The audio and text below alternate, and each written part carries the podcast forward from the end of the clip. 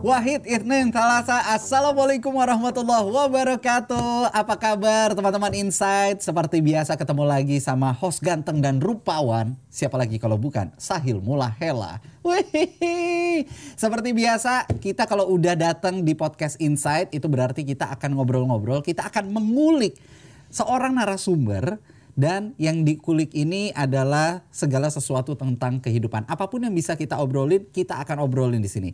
Tapi yang jelas, yang kita obrolin ini akan ada nilai yang bisa kita ambil untuk kehidupan kita. Dan itu yang harus kita bisa petik dari acara ini. Cuma yang paling penting adalah kalau ada perbedaan, jangan pernah apa? Baper, bagus teman-teman insight. Nah hari ini kita kedatangan seseorang yang luar biasa ya yang jelas dalam kita memulai acara hari ini jangan lupa untuk membuka mata, buka hati dan juga buka pikiran karena di situ ilmu akan datang. Beliau yang sudah hadir di studio, uh, di studio bersama saya hari ini adalah seseorang yang sangat baik hati, ramah, tidak sombong. Pokoknya mantep banget ini orang. Beliau adalah seorang mualaf dan beliau ini menjadi bagian dari sebuah asosiasi yang menaungi para mualaf. Dan suka sekali berbagi kebahagiaan juga. Langsung kita sapa, ini dia Kohani. Ya, Assalamualaikum. Waalaikumsalam warahmatullahi wabarakatuh. Sehat Kohani? Alhamdulillah sehat. Waduh, senyumnya luar biasa menawan loh. Kesibukan apa kok sekarang kok? Ya, sekarang lagi sibuk ngurus untuk menderita COVID, Kus Al Hindi setiap hari. Oke. Okay. Ya, ngirim-ngirim juga, packing, impor. Oh itu treatment gitu? Bukan, itu ada di hadis Bukhari 5260 mm -hmm. mengenai jadi kita pikir ini apa yang bisa kita lakukan dengan COVID. Hmm. Kita masuk Islam karena kita percaya dan kita yakin dan sudah terbukti Islam itu solusi. Hmm, Oke. Okay. Apa solusi yang Islam kasih untuk COVID ini? Hmm. Nah ternyata Rasulullah SAW mengatakan dalam hadis Sahih Bukhari 5260, hmm. gunakanlah kus al hindi atau kus bahri hmm. untuk mengobati tujuh macam racun penyakit pernafasan termasuk di antara radang paru. Okay. Radang paru itu kan pneumonia. Oke. Okay. Nah, berarti COVID ini pneumonia. Oke. Okay. Nah, baik kita coba, kita coba udah kita impor, lalu kita udah bagikan selama sebulan lebih ini. Hmm. Nah, ini kalau bisa di shoot, hmm. ini ada sekarang di saya ada 600 lebih yang sembuh. Oke. Okay. Nah, ya. ini nanti kita kayaknya harus bahas ini lebih lanjut lagi. Ya. Tapi nanti di bahasan tersendiri nih yeah. kayaknya seru nih. Yeah. Ini pasti seru. Cuman hmm. kita pengen tahu dulu nih sebenarnya awal ceritanya Kohani ini gimana sih akhirnya bisa jadi bagian ataupun inisiator dari MCI itu sendiri? Oke, okay. setelah saya masuk Islam tahun 2013 kemudian saya cari komunitas. Oke. Okay. Kok kayaknya saya sendirian ha? gitu. Pada waktu itu belum banyak ada beberapa ngaku ya beberapa yang bikin pergerakan mualaf cuman kita merasa kok nggak aktif. Hmm Terus ke mana kami kalau harus ada masalah, masalah dengan keluarga, masalah dengan hidup, masalah dengan iman, hmm. masalah dengan ibadah. Hmm. Akhirnya kita bikin acara kumpul karena waktu itu masih mainnya Facebook zaman dulu. Oh iya. Yeah. Yuk ketemuan yuk. Gitu. Kita ketemu silaturahim. Akhirnya di 2014 itu ketemu, lalu kita bilang, ayo kita bikin organisasi yang berbadan hukum. Hmm. Karena kalau sekarang mualaf dipukulin, mau lo diapa-apain kita nggak bisa lapor karena kita bukan siapa-siapa susah ya ya begitu hmm. ada badan hukum kita bisa nah akhirnya saya ajak Stephen Indra okay. ajak teman-teman yang lain ajak beberapa ustadz akhirnya kita bikin ya kita bikin yayasan oh jadi awalnya ketemu sama Coach Stephen Indra Wibowo itu awalnya ya untuk untuk membentuk ini gitu iya 2014 Mualaf Center Indonesia itu. Betul. Tapi tadi kan uh, Kak sempat bilang katanya dipukulin segala macam. Emang ada kejadian sama kayak gitu? Banyak. Eh, dipukulin siapa nih maksudnya? Ya orang tuanya kalau nggak terima bisa pukulin, kakaknya pukulin, keluarganya lah pada umumnya. Atau suaminya. Oke. Okay. Yang paling baru terjadi dokter gigi Hah? di Subdin Kesehatan Jakarta Barat, hmm. orang yang masih kerja di situ, hmm. kepalanya juduk-judukin tembok, dipukulin. Karena dia jadi mualaf? Karena gitu? ketahuan punya mukena dan ada Al-Quran. Oh, sampai segitunya. Ngaku lah dia masuk Islam. Orangnya ada. Hmm. Babak belur. Nah, akhirnya kita bawa, kita lapor polisi, kita visum, kita obatin. Kalau enggak kita nggak punya badan hukum nggak bisa bergerak. Iya agak susah, nah, berat ya. kan. Tapi kok Hani sendiri sempat ngalamin hal-hal seperti itu atau enggak? Alhamdulillah sempat. Al kok alhamdulillah? Karena kejoliman yang menimpa seorang seseorang hmm. ketika dia masuk Islam itu indah. Hmm Karena ketika siapa pun dijolimi, Hmm. Allah bilang nggak ada hijab antara dia dan aku dengan doanya. Oke. Di saat dijolimi itulah saat doa-doa anda mustajab, makbul. Makbul banget di situ ya. Selama berapa lama Kohan itu mengalami hal seperti itu? Ya cukup lama ya, sampai dua tahun lebih. Jadi dari 2013 awal masuk, Iya, eh, banyak sih ya. Contohnya kita Islam itu mengenal birrul walidain. betul. Walaupun orang tua kita bukan muslim, kita wajib menghormati dan berbakti kecuali dalam hal ketaatan kepada Rasul dan Allah. Mm-mm. Lalu ibu saya contohnya, wah dimarah itu itu biasa, wajar orang tua marah itu nggak terima wajar, Hmm. karena kok nggak sesuai dengan saya. Hmm. Dengan birrul walidain hari ini yang membantu saya, mensupport saya, Hmm. termasuk bidang dana itu ibu saya yang belum muslim. Sampai saat ini. Iya. Bahkan dari benci nggak terima Islam sekarang dia bantu saya. Orang tua saya, orang tua Felix Yao, orang tua Steven, semua bantu. Mereka semua belum muslim. Oke. Dari nggak suka jadi suka. Nah, apa proses yang dilewatin kok sampai akhirnya dari tadinya nggak suka sampai suka tuh? Birrul walidain tentunya. Hmm. Doa tentunya. Karena Allah yang maha membolak-balikan hati. Hati mereka, hati raja-raja, Allah yang punya. Hmm. Apalagi cuma hati orang tua kita. Punya Allah. Oke. Tinggal dengan mereka tidak suka Islam itulah, itulah kesempatan untuk berdakwah. Oke. Ketika seseorang membenci, contoh ada yang benci Habib Rizik, Mm-mm. pramugari, kemarin malah masuk Islam. Kemarin pas jemput itu. Iya, Dulu saya nggak suka Habib Rizik, Hmm. mana saya suka, saya Kristen. Oke. Terus taunya dari framing media yang lain, Iya. media yang ya bukan media kita pastinya, atau saya nggak nyebut medianya apa, tapi media yang nggak berimbang, Hmm. fitnah. Kita kenal aja enggak kok bisa menjudge Habib begini, Habib begitu. Iya. Ketika sudah ketemu yang mempertemukan uh, Ustaz Arifin Ilham, yarhamullah, oh ternyata orangnya baik, orangnya lembut, Hmm. gitu, ramah. Wah, Beda ternyata. Padahal waktu itu dengan orang yang berbeda agama gitu ketemunya gitu kan. Nah jadi Islam seperti itu. Hmm. Tunjukkanlah ketika kita sudah masuk Islam, Islam ini kesempurnaan akhlak. Hmm. Akhlak manusia terbaik di dunia adalah Rasulullah SAW. Hmm. Kalau benar kita pengen ikut Rasulullah SAW, kita perbaiki akhlak kita. Betul. Nah, sekarang lagi rame, kita revolusi akhlak. Revolusi akhlak gitu Iya. ya. Jadi memang eh, apa yang digunakan sama Rasulullah dengan kata-kata akhlak itu makanya akhirnya dipakai sama kita gitu Iya. kan. Kita menggunakan kata revolusi akhlak itu Betul. gitu kan. Iya. Nah, tapi kan tadi tadi sempat nih ada salah satu kru Insight juga manggil kok dengan ustadz gitu kan. Terus kok langsung benerin, kok. Kok betul. Jadi Kenapa nggak mau dipanggil ustadz? gini, Ustaz Ali Hidayat Ustaz bukan? Ustadz. Ustaz. Siapa lagi? Banyak ustadz-ustadz lain ya, namanya kita sebut banyak sekali kalau saya sebut nama ustadz. Eh, ustadz itu orang yang belajar agama. Hmm. Ustadz itu orang yang mondok. Ustadz itu yang bisa tafsir Quran. Ustadz itu paham hadis. Hmm. Eh, Ustadz itu dalam sekali ilmunya. Sekarang mas saya panggil, Pak Dokter mau? Enggak dong. Insinyur mau? Enggak. Karena Anda bukan dokter. Demikian juga dengan saya, saya tidak belajar agama yang dalam, saya tidak mondok, saya tidak ikut di pesantren, saya tidak bisa tafsir Quran, hanya baca terjemahan, hanya baca Quran biasa, semua orang bisa. Hmm. Lalu bagaimana saya bisa jadi ustadz? Dan panggilan seorang ustadz itu berat. Oke. Ustadz berarti guru Hmm. yang diikuti. Sekali nulis saya penulis, ya. Saya nulis, sekali nulis dihisapnya dunia akhirat. Hmm. Apalagi jadi ustadz. Jadi saya rasa jangan merusak Islam dengan memudah-mudahkan orang jadi ustadz. Hmm. Itu ada ustadz yang nggak bener pengikutnya banyak. Abu Janda namanya. Ya, kan dia bukan ustadz, kenapa dipanggil ustadz? Jadi ya ada ustadz namanya bapaknya janda. Dan banyak yang panggil ustadz dan dia suka dipanggil ustadz. Janganlah. gitu. Jadi kita nanti merusak Islam kalau gampang ustadin orang. Gitu kan. Tapi kan ketika ketika eh, Kohani ini menjadi tokoh ibaratnya, menjadi tokoh dari Mualaf Center Indonesia, orang itu kan menganggap tokoh itu adalah bisa jadi panutan untuk orang-orang. Nah, ketika menjadi panutan dengan eh, gelombang masa yang luar biasa banyak juga, akhirnya orang secara nggak langsung akan manggil ustadz misalkan, dan itu banyak ditemuin mungkin sama Kohani sendiri. Apakah setiap ada orang yang memanggil ustadz Kohani akhirnya langsung eh, Ya. Mengklarifikasi atau Saya klarifikasi, saya Pasti? bukan ustadz, pasti. Karena saya bukan guru. Kayak Pak Haji, sudah haji kan?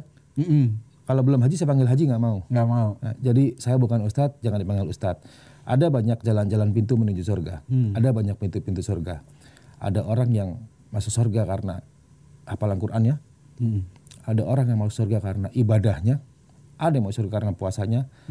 Karena saya bukan ustadz, saya lihat saya ikut dari ustadz, guru-guru saya para ustadz. Jadi kalau saya nggak tahu nanyanya ke ustadz, tapi insya Allah saya ingin masuk pintu-pintu surga dari amal-amalnya.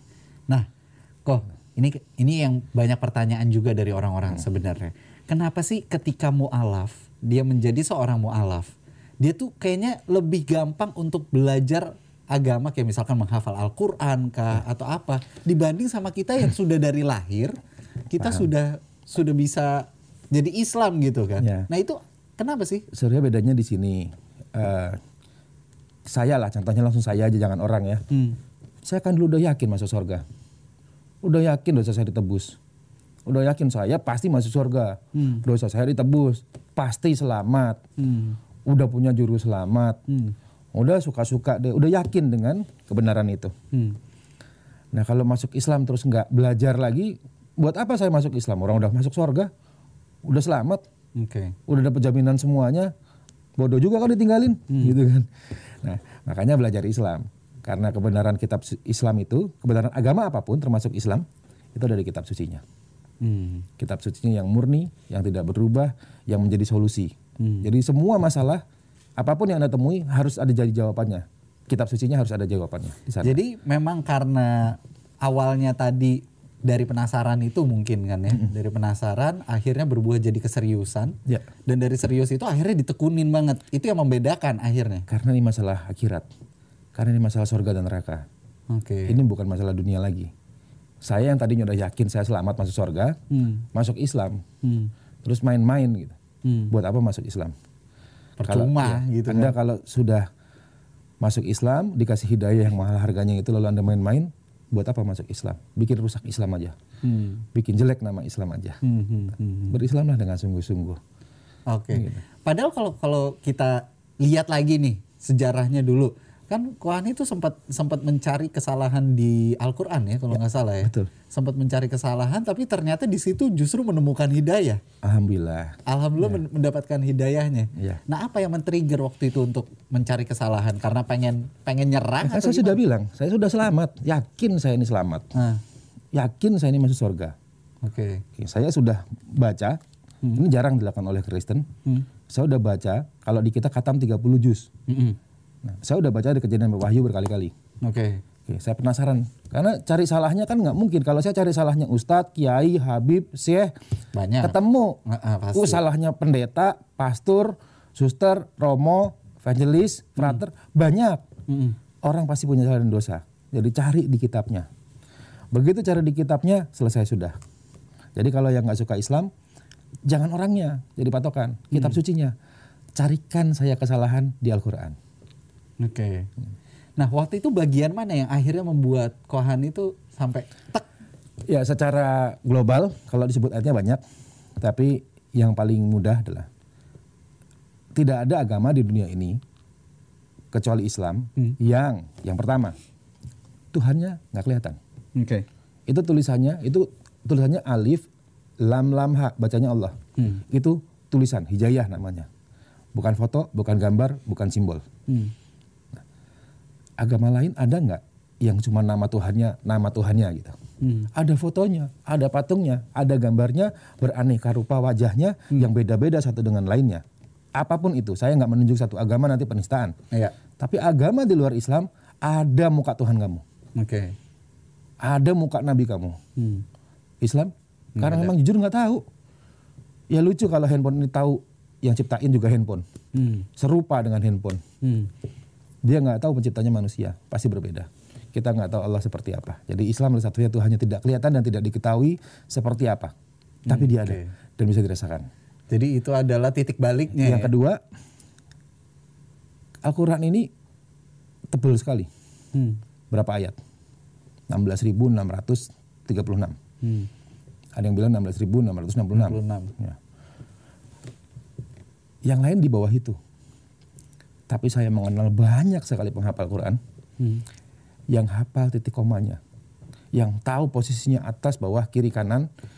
Titiknya aja dia hafal, komanya dia hafal, apalagi bunyinya. Hmm.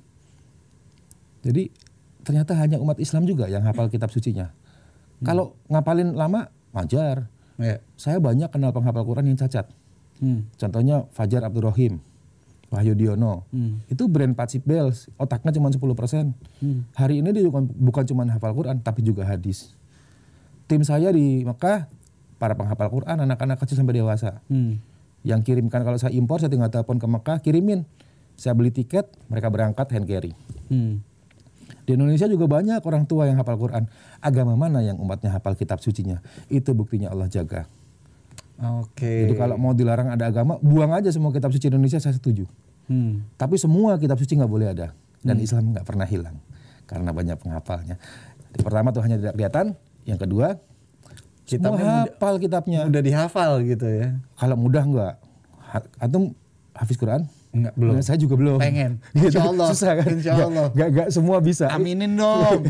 Itu jadi anullah ya. gitu. Di sini kalau ngeliat ada yang berhasil suka pada sirik gitu. boleh itu.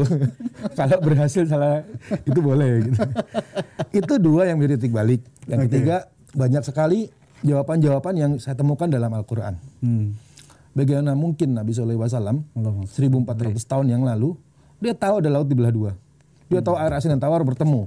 Nah, bagaimana? Itu kebenaran Islam yang nggak bisa ditolak lagi. Oke. Jadi itu sekilas perjalanannya Kohani ya menemukan dari awalnya coba mencari kesalahan tapi justru di situ malah mendapatkan Banyak kebenaran. banyak kebenaran mendapatkan hidayah dan alhamdulillah sekarang bahkan jadi inisiatornya Mualaf Center Indonesia gitu. Ada sembilan orang, bukan cuma Sembilan saya. orang, Ya. ya. Salah satunya adalah Kohani Ya. gitu kan. Nah, Mualaf Center Indonesia ini selain membimbing orang-orangnya itu Hmm. dengan pendidikan agama, itu tuh ngapain lagi sih? Ada ada yang diajarin lagi nggak sih? Yang pertama dakwah kami ini dibudakan dari dakwah ada tiga step.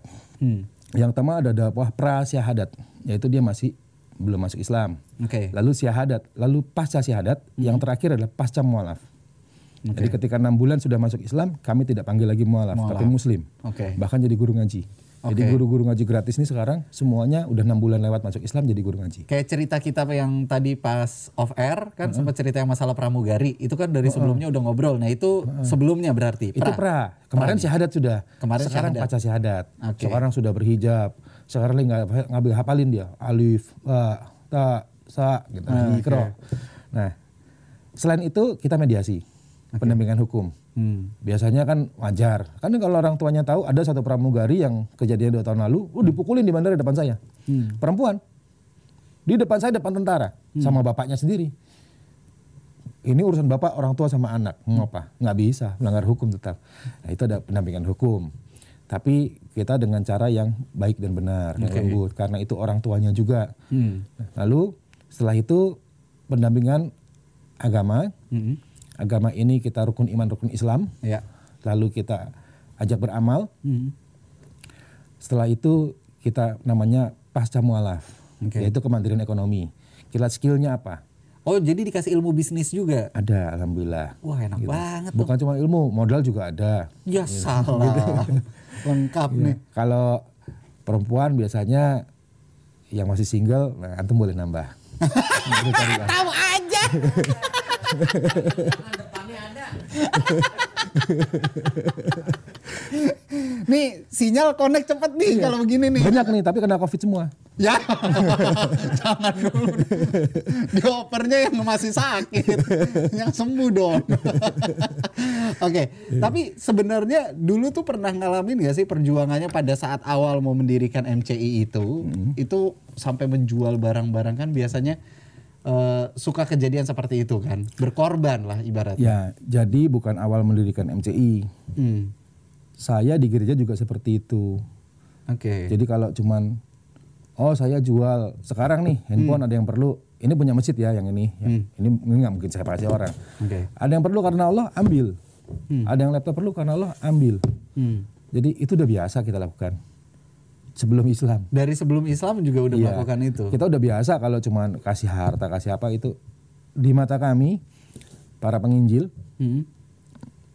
harta itu nggak ada harganya. Itu sudah dari zaman dulu. Oke. Jadi kalau banyak mualaf kasih harta, jual itu biasa kok. Dan di Islam jelas sekali hukum alamnya. Dan itu kami buktikan sejak masuk Islam sampai sekarang. Hmm.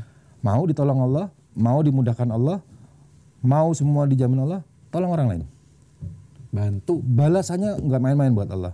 Dan hadis sohihnya ini kenapa banyak umat muslim ngaku agamanya Islam, bajunya syar'i, tapi pusing kepalanya banyak masalahnya. Hmm. Nggak kelar-kelar urusannya. Allah SWT berfirman dalam hadis Qudsi, beliau bilang, barang siapa tujuan hidupnya adalah dunia, maka ini Allah yang bilang, aku kata Allah, cerai beraikan urusan dia. Kalau tujuannya dunia. Dunia. Dan dia akan bangun dengan membuka matanya, takut miskin, takut susah, mikir semua masalah, Ya. pada rezeki yang datang yang udah ditetapkan. Tapi barang siapa tujuan hidupnya akhirat, aku akan bereskan semua urusannya Hmm. dan dunia datang kepada dalam keadaan hina. Karena dunia ini harganya setengah separuhnya sehat lalap. Dan itu dibuktikan para mualaf, betul. Dunia datang kepada kita dalam keadaan hina. Oke, jadi Urusan kita kelar semua. kayak nggak butuh dunia sama sekali udah ya. Siapa bilang nggak butuh? Butuh. Butuh Tapi tetap. udah dijamin Allah kan. Oke. Ya, jangan terus anda diem nggak mau kerja nggak mau ikhtiar. Iya iya iya. Harus ikhtiar. Tapi Allah sanggup kirim dari mana aja. Mudah kok buat Allah. Dia maha kaya, dia pemilik segalanya. Masa dia nggak bisa kasih kita? Cuman standarnya kita adalah gina. Standar kita adalah kona'ah. Hmm. Ya kan nggak lucu kalau saya tiba-tiba ya Allah pengen Lamborghini sama Porsche. Buat apa? Buat apa dulu gitu kan? Gitu. Jadi yang cukup aja. Karena kekayaan itu di hati dengan bersyukur. Tapi kalau kita masih ada keinginan kayak misalkan kan kita punya punya bayangan gitu kan ya. Itu itu nggak apa-apa kan? anak saya anda bilang meninggal lah, hidup lagi ini hidup yang ketiga kalinya saya bilang lalu tolong deh dokter yang ngomong saya nggak sanggup lagi ngomong ke tamu Talata Ithnan Wahid. Wassalamualaikum warahmatullahi wabarakatuh.